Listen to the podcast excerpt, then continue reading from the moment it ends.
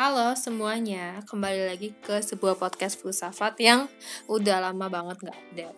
Ini ada permintaan maaf dari sang owner, CEO dan founder. Nggak. Oke udah nggak terlalu sibuk jadi udah bisa take lagi. Dan setelah kita habis selesai uh, series filsafat timur, aku kayaknya kayaknya bingung gitu mau bahas apa. Aku research inilah itu nggak nemu yang cocok atau atau nggak nemu apa yang aku pengen bahas gitu. Jadi makanya agak lama baru selesai episode kali ini. Ya gitulah. Oke, terus apa nih yang bikin kamu milih topik kali ini? Atas dasar apa? Ya tentu orang-orang udah bisa baca ya topik kali ini dari judul podcastnya. Jadi sebelum mulai aku mau kasih konteks kenapa aku milih topik ini. Yang mungkin nggak nyambung banget dari filsafat timur ke skeptisisme. Karena apa? Ya apalagi yang bisa disalahin selain covid gitu. Ya itu semua ke sana aja. Ya, apa nih hubungannya sama COVID? Kenapa COVID disalahin? Ya ngeliat pandemi kembali memburuk gitu dan kita ngeliat mulai banyak yang skeptis akan kebenaran virus ini. Dan bukan cuma baru sekarang sih. Kan kita udah lihat banyak yang mempertanyakan pandemi ini bahkan di awal-awal uh, awal-awal pandemi gitu pas Maret 2020 kalau nggak salah. Udah banyak yang ragu akan kebenaran COVID-19 ini. Tapi tenang aja, kita di sini tidak untuk menghina atau mengolok-olok orang yang percaya konspirasi atau teori-teori liar lain lah. Nyatanya, kita kali ini akan membahas apa yang dimaksud dengan menjadi orang yang skeptis. Kenapa orang bisa skeptis? Dan apakah baik menjadi orang yang skeptis? Oke, langsung aja ya.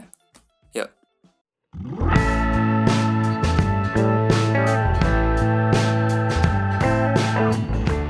Oke, kita udah cukup sering nih dengar ya kata skeptis yang berarti sikap yang kurang percaya.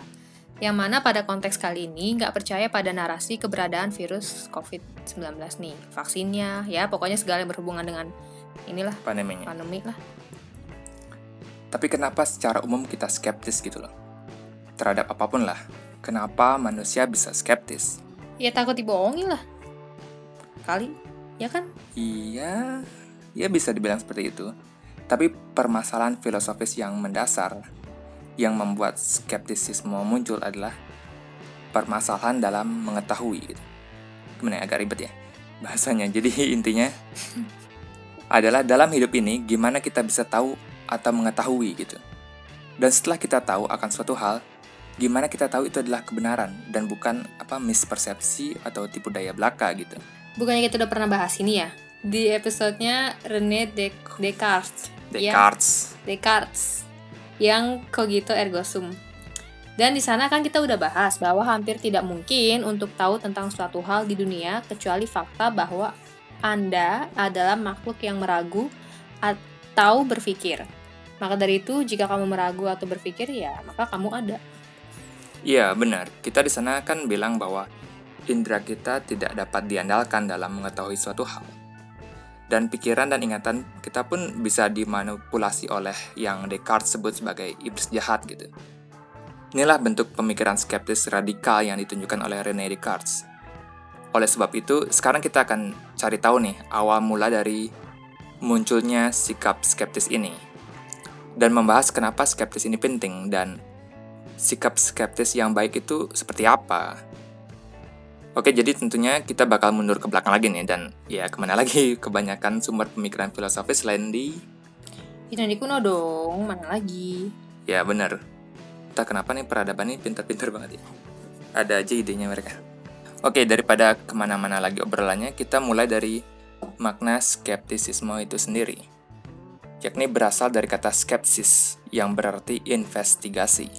Jadi orang-orang Yunani kuno yang menyebut diri mereka sebagai skeptik, berarti orang yang eh, menginvestigasi gitu, atau juga berarti orang yang menunda. Mungkin maksudnya menunda penghakiman atau menunda ngejudge suatu hal atau orang. Oh, berarti pada awalnya sikap skeptis itu menunda untuk ngejudge suatu hal, berarti nggak judgmental dong. Tapi sekarang kok kayaknya udah mulai geser ya maknanya ya. Skeptis sekarang tuh kayaknya lebih ke nggak percaya atau ragu-ragu. Nih contohnya kayak situasi pandemi kayak gini lah. Kan ada yang bilang, masa sih virusnya beneran ada? Masa sih ini? Masa sih itu? Ya kan ya?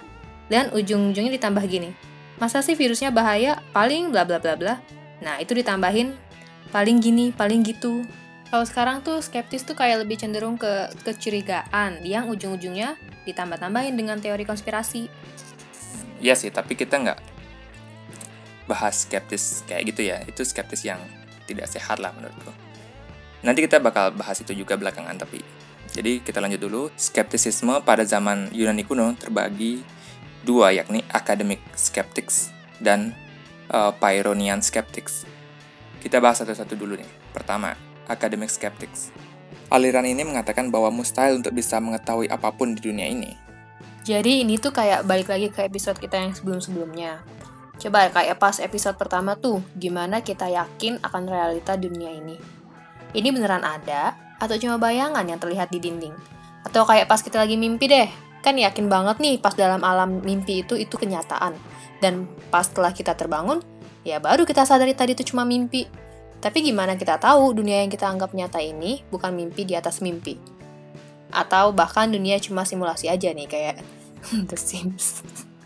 Iya, maka dari itu akademik skeptics menyimpulkan bahwa pengetahuan itu mustahil untuk didapatkan atau diketahui karena kita tidak mungkin bisa benar-benar tahu apa itu realitas. Jadi kita nggak mungkin juga tahu dengan pasti tentang ya apa pun gitu. Nah tapi, dengan mengatakan segala pengetahuan itu mustahil, malah menjadikannya sebuah paradoks. Kenapa ya? Karena jika tidak ada yang bisa diketahui, kok kita bisa tahu akan hal itu? Kok kita tahu satu hal yakni tidak ada yang bisa diketahui gitu kan? Paradoks. Lah, itu kayak what I know is that I know nothing kan Iya, yeah, kayak gitu. Iya kayak gitulah. Maksudnya sekarang bedanya dengan Pyrrhonian skepticism itu mereka bisa dibilang benar-benar menghayati sikap skeptis yang kita udah kasih tahu tadi. Kalau akademik skeptik mereka menyimpulkan bahwa tidak ada yang bisa diketahui, tapi kalau Pyrrhonian skeptik itu mereka secara terus-menerus bertanya dan meragukan dari hal-hal yang besar hingga hal-hal sepele gitu. Mereka bertanya apakah ini dunia yang aku tinggali ini beneran ada? Apakah aku beneran ada gitu lah dan lain-lain lah. Terus skeptis terhadap yang sepele itu gimana maksudmu? Ada kisah nih ya, entah ya beneran apa enggak tuh. Orang ini bernama Pyro. Dialah sosok yang bisa dibilang pertama kali menyuarakan pemikiran skeptisisme yang seperti ini nih. Makanya nama alirannya Pyrrhonian Skeptics gitu.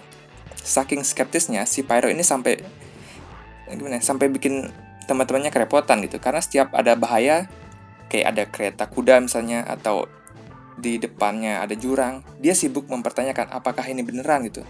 Beneran ada kereta kuda, apakah beneran ada jurang di depanku gitu.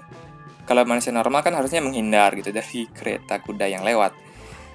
Jadi teman-temannya yang geserin dia biar ngejauh dari jalanan gitu kan dan atau nyetop dia biar nggak terjun ke jurang karena dia, dia tuh skeptis parah gitu tentang segala hal. Parah juga ya si Pyro ini ya walaupun cerita-cerita kayak gini tuh ya kayaknya sih dilebih-lebihin aja kali ya.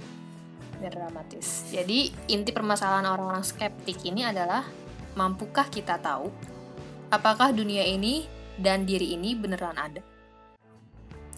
Iya, itu topik besarnya sih dan dalam skeptisisme ini ada dua skenario, skenario yang baik dan skenario yang buruk.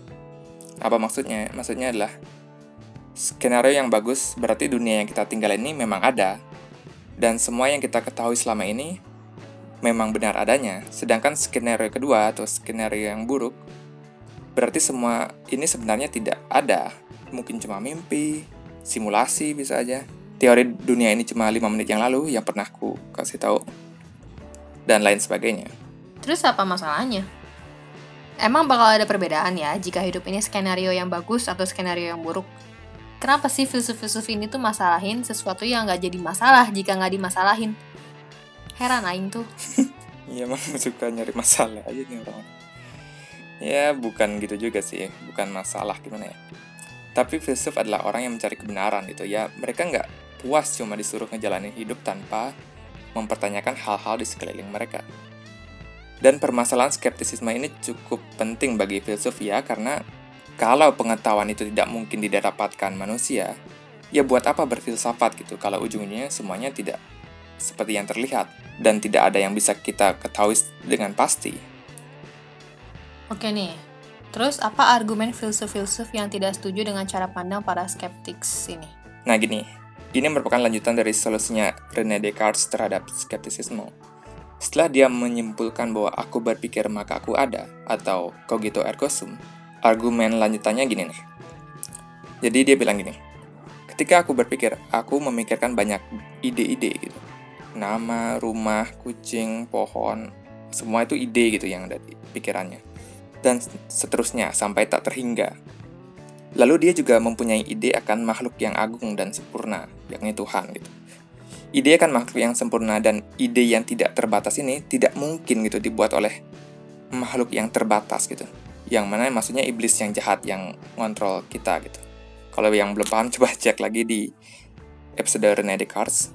Jadi intinya ide yang tidak terbatas tidak mungkin dibuat oleh makhluk yang terbatas gitu.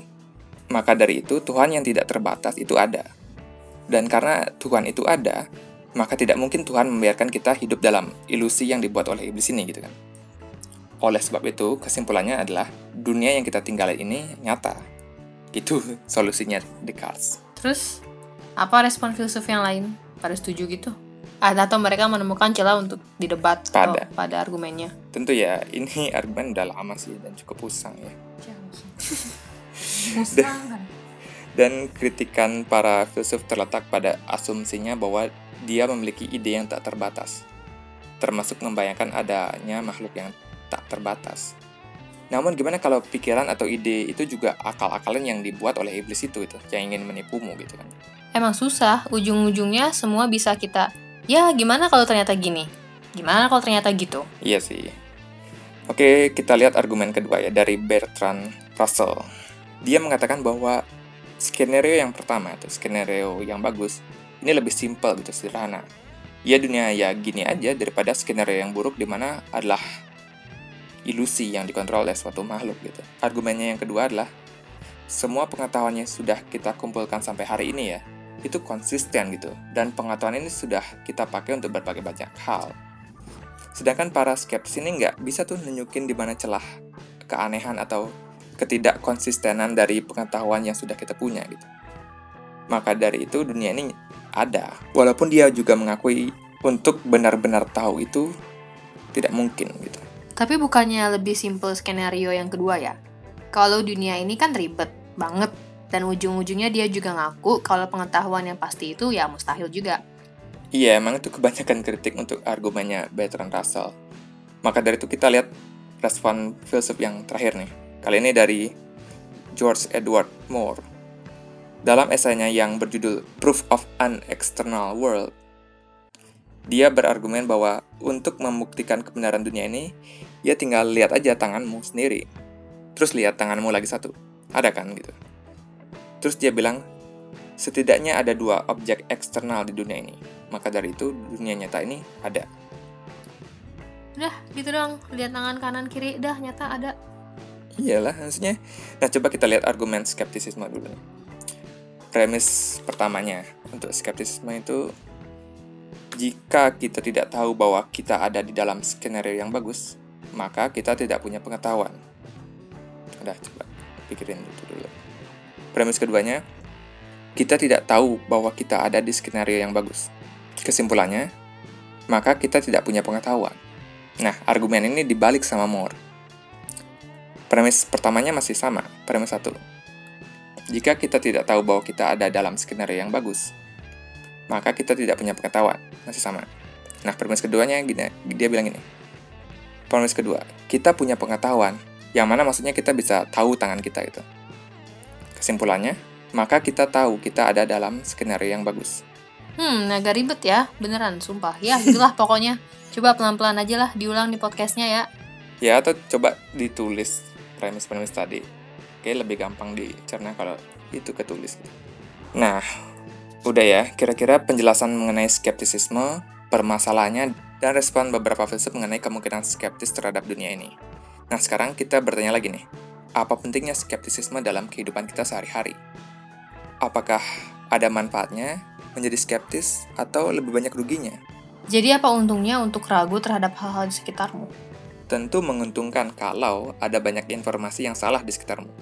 Hoax, disinformasi, dan lain-lain. Yang mana kenyataannya emang gitu kan di sekeliling kita sekarang. Jadi skeptisisme ini adalah filter yang sangat bagus untuk menyaring pengetahuan atau informasi yang palsu. Ya tapi gimana? Sedangkan kamu sendiri bilang tadi, kesimpulan dari pemikiran skeptisisme adalah bahwa faktanya untuk tahu suatu hal dengan pasti itu ya nggak mungkin. Apalagi si Pyro aja ngalamin banyak kesulitan dalam hidupnya karena terlalu skeptis lah terhadap segala hal. Nah itu bisa disebut sebagai skeptisisme yang tidak sehat. Yang membuatmu tidak fungsional dalam hidup ini terus-menerus meragukan segala hal yang membuatmu tidak memiliki pijakan dalam hidup ini. Atau ya kamu hanya meragukan narasi arus utama atau mainstream, dan lebih percaya ke teori konspirasi. Tapi kamu sendiri tidak mempertanyakan balik teori-teori tersebut gitu. Terus skeptisisme yang sehat tuh kayak gimana contohnya? Healthy skepticism itu kayak ketika kamu meragukan bukan hanya sekedar untuk meragukan gitu, ngerti nggak? Jadi yang sehat itu meragukan untuk menemukan kebenaran gitu. Skeptisisme yang tidak sehat itu cuma kayak orang paranoid aja. Gimana kalau gini ya? Yang sebenarnya gitu. Gimana kalau para elit manfaatin aku ya? Gimana kita sengaja dibikin susah ya biar kita tunduk? Gitu aja terus tanpa benar-benar pengen tahu ujung permasalahannya apa. Oke, kan kamu bilang tujuannya itu adalah mencari kebenaran. Tapi gimana kita tahu itu kebenaran yang sebenar-benarnya? balik lagi nih kan ke permasalahan skeptisisme. Iya, kebenaran yang sebenar-benarnya itu susah. Kebenaran yang utama itu kesampingkan dulu lah. Nggak bakal habis-habisnya perdebatan tentang hal itu. Makanya kita akan cari kebenaran yang bisa kita capai. Dan di dunia ini menurut Neil deGrasse Tyson, mungkin yang biasa nonton channel-channel science tahu dia gitu. Dia seorang astrophysicist dan host di series Cosmos. Menurut Neil, ada tiga kebenaran di dunia ini. Pertama, personal truth, atau kebenaran personal. Kebenaran ini adalah kebenaran yang kamu sangat pegang erat. Hal ini mulai dari kayak agama, misalnya preferensi makanan, kopi hitam lebih bagus daripada kopi putih, eh, kopi putih, kopi hitam lebih bagus daripada kopi susu misalnya, atau kayak ini akan bubur apa diaduk daripada nggak diaduk gitu kan. Hal-hal gitulah yang subjektif. Yang kedua yakni kebenaran politik atau political truth. Kebenaran ini adalah hal yang atau narasi yang diulang-ulang sampai kalian percaya itu kebenaran. Biasanya dilakukan oleh tokoh-tokoh politik yang membuat para pendukungnya buta gitu dan kita nggak bakal nyentuh ranah itu untuk sekarang terlalu bahaya. Dan terakhir adalah objective truth atau kebenaran objektif. Kebenaran ini benar entah Anda atau di mana pun orang ini berada, menganggapnya benar atau tidak gitu. Contohnya gravitasi gitu. Kamu boleh percaya boleh nggak, tapi ya kamu akan jatuh juga kalau lompat dari gedung tinggi, entah di mana pun kamu. Ya kecuali kamu di luar angkasa gitu. Di dunia ini maksudnya, di bumi ini. Iya, paham deh orang-orang. Berarti kebenaran objektif yang kita cari. Karena cuma kebenaran itu yang bisa kita setujui ya bersama kan. Personal dan political truth itu akan sangat susah untuk disetujui semua orang karena ya nggak bisa diuji dan dibuatkan eksperimen. Tapi kalau kebenaran yang objektif, kita punya metode saintifik untuk mengetahui apakah klaim yang dibuat seseorang itu benar atau salah. Iya, kayak gitu. Nah, sekarang skeptisisme yang sehat berarti skeptisisme yang berlandaskan metode saintifik gitu. Metode ya, karena kebanyakan orang mengira sains itu adalah kumpulan fakta-fakta yang diajarin di sekolah gitu. Padahal sains itu adalah metode sistematis gitu yang kita lakukan untuk melihat suatu fenomena, mengorganisasikan pengetahuan dan mengujinya lewat eksperimen yang berulang. Dan kemudian kita mampu membuat prediksi akan hal yang akan terjadi di masa depan uh, di dunia eksternal ini. Jadi kata kunci yang ada dalam sains ini adalah eksperimen dan pengulangan. Setelah itu, kita mampu memprediksi hal yang akan terjadi. Nah, gitu. Teman-teman jadi sebuah podcast sains. Oke, sekarang kita terapkan skeptisisme yang sehat yang berla berlandaskan sains dalam melihat suatu fenomena. Coba kita diskusikan fenomena yang gampang dulu aja nih. Hmm, sulap misalnya nih, sulap nih ya. Deddy Corbuzier yang jalan di atas air. Atau David Copperfield yang ngilangin patung Liberty. Emang ya? Iya, nggak saya nggak tahu. Apakah kita mempercayai hal yang luar biasa tersebut? Atau kita skeptis dalam menyikapinya? Ya, tentu pasti skeptis kan. Mana yang lebih mungkin? Emang si Dedi bisa jalan di atas air dan melanggar hukum Archimedes? Eh, bener kayaknya. Bener kayak Archimedes? Iya kayaknya. ya, carilah. Atau kita yang ditipu? Ada trik yang kita tidak lihat? Ya tentu jawabannya ada trik di belakang aksi sulap itu. More likely gitu. Ya. Kita juga bisa bahas fenomena kayak crop circle misalnya. Mana yang lebih mungkin ada makhluk yang super jenius menyeberangi luar angkasa berjuta-juta tahun cahaya hanya untuk menggambar di sawah orang gitu, ngangguin sawah orang. Mereka tuh jenius, mereka tuh masa mereka gak kasihan sama petani itu kan? Atau ada orang yang iseng yang pengen heboh aja gitu ya silahkan coba jawab sendiri. Mana yang lebih mungkin gitu? Nah gitu caranya skeptis yang lebih sehat. Coba kamu bandingin nih satu kemungkinan yang melanggar sains dengan kemungkinan yang tidak melanggar fakta saintifik. Mana yang lebih masuk akal? Meskipun kamu emang harus punya scientific literasi juga sih yang bagus. Kalau enggak ya bakal kecemplung lagi ke skeptisisme yang tanpa ujung tadi. Apa mungkin gini ya? Apa mungkin gitu? Karena kamu nggak tahu apa yang perlu dipertimbangkan. Yoi pengetahuan umum juga penting gitu. Sejarah, ilmu politik, ekonomi, hukum juga. Sekarang coba kita lihat pandemi ini. Apakah virusnya hoax? Hanya akal-akalan ilmuwan dan dokter? Atau pandemi dan virus memang bagian dari sejarah umat manusia yang memang selalu ada dari zaman dulu, zaman purbakala gitu. Terlepas dari asal-usul pandeminya ya, entah itu dari hewan ke manusia atau lab virus yang bocor, itu susah untuk dideteksi dan dicari buktinya. Tapi tetap aja, virusnya asli gitu, pandeminya asli. Tuh, apa perlu ngelihat sendiri pakai mikroskop baru percaya gitu. Dan aku mau nambahin opini ku sendiri nih. Untuk yang bilang virus ini nggak seberbahaya itu. Bahayanya dilebih-lebihkan media gitu lah. Sebenarnya nggak ada yang ditutup-tutupi kok. Buka aja apa worldmatters.info slash coronavirus tingkat kematiannya sekarang cuma 2% loh. Lebih rendah dibandingkan virus ganas lainnya. Ya apa kayak Ebola misalnya. Tapi coba kalkulasikan. 270 juta rakyat Indonesia dikalikan 2% gitu. Hasilnya 5 juta 400 ribu. Dan menurutku itu angka yang gede banget gitu. Untuk nyawa orang ya. Bisa nggak kalian dengan gampangnya ngomong, ya biarin aja 5 juta 400 ribu orang itu mati gitu. Dan kita nggak bakal tahu di antara angka tersebut ada siapa saja. Ini bisa dibilang kayak trolley problem yang udah aku bahas sebelumnya. Maukah kamu membunuh satu orang untuk menyelamatkan lima orang? Iya, itu jawaban susah dan mungkin nggak ada jawaban yang benar gitu atas solusi dari trolley problem itu. Gini nih ya, kalau udah ngomongin hidup atau mati orang susah sih ya. Dan kita nggak bisa ngelihat 5 juta orang itu hanya sekedar angka. Jadi coba deh pikirkan lagi ya, bahkan jika kamu menganggap pandeminya sepele dan tingkat kematiannya rendah. Ya, serendah-rendahnya 5 jutaan. Dan mau nggak kamu tanggung jawab atas 5 juta nyawa tersebut? Oh ya, dan aku nggak bilang semua konspirasi itu nggak ada yang benar ya. Nggak ada yang beneran maksudnya. Ada kok yang beneran seperti kasus Edward Snowden tentang pemerintah US yang memata-matai penduduknya gitu. Atau perusahaan rokok yang menutupi fakta bahwa rokok dapat mengancam kesehatan di masa lalu sempat gitu di masa lalu. Perusahaan rokok itu menutupi fakta gitu. Tapi tentu kebanyakan eh, teori-teori konspirasi ini ya cuma sekedar teori atau hipotesis belaka. Tapi kenapa kita sangat suka dengan teori konspirasi gitu? Sebenarnya ada banyak faktor. Dan salah satunya kalau kita lihat dari segi psikologis ya karena kita butuh kepastian tentang apa yang terjadi. Sedangkan dunia nyata ini tidak pasti dulu jangan beli masker buat nakes saja gitu. Terus disuruh lagi pakai masker. Nah sekarang pakai dua lapis gitu. Ya karena sebenarnya kita dalam proses belajar tentang virusnya karena masih baru. Tapi kalau konspirasi selalu menawarkan kepastian. Si ini nih pelakunya penyebabnya. Santai aja nih ini cuma bohongan nih gitu. Dan lain-lain gitu.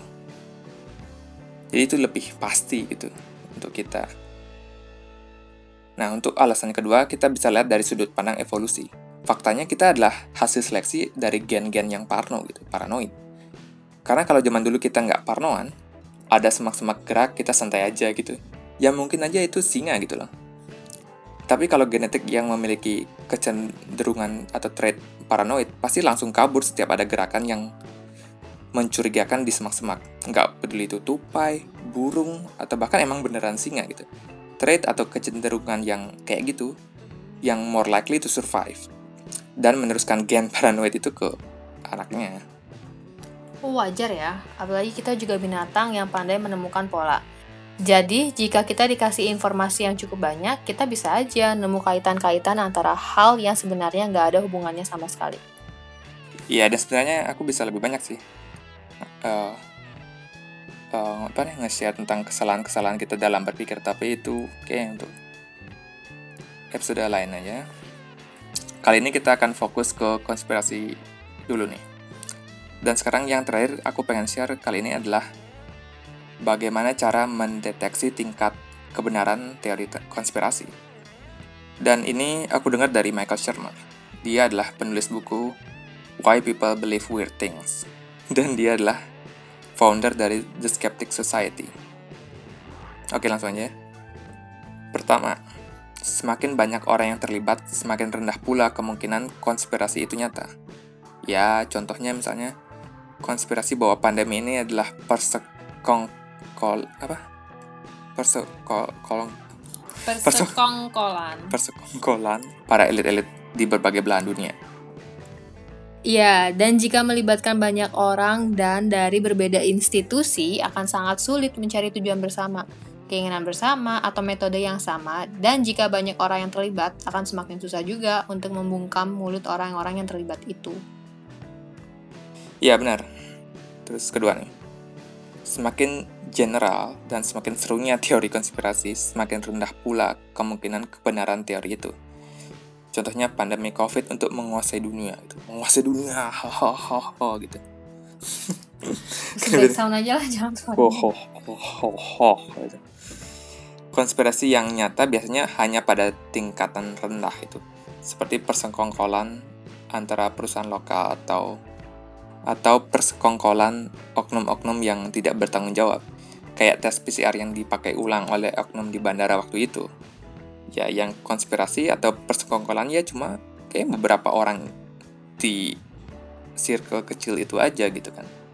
Dan ya, coba kalian pikirin baik-baik lebih mungkin mana? Sekelompok orang yang sengaja membuat pandemi untuk mendapatkan keuntungan, atau ada sekelompok orang yang memanfaatkan pandemi untuk mendapatkan keuntungan? Ya, coba dijawab sendiri ya. Dan faktanya, ada atau tidak adanya pandemi, emang pasti ada orang-orang yang suka mencari kesempatan dalam kesempitan gitu.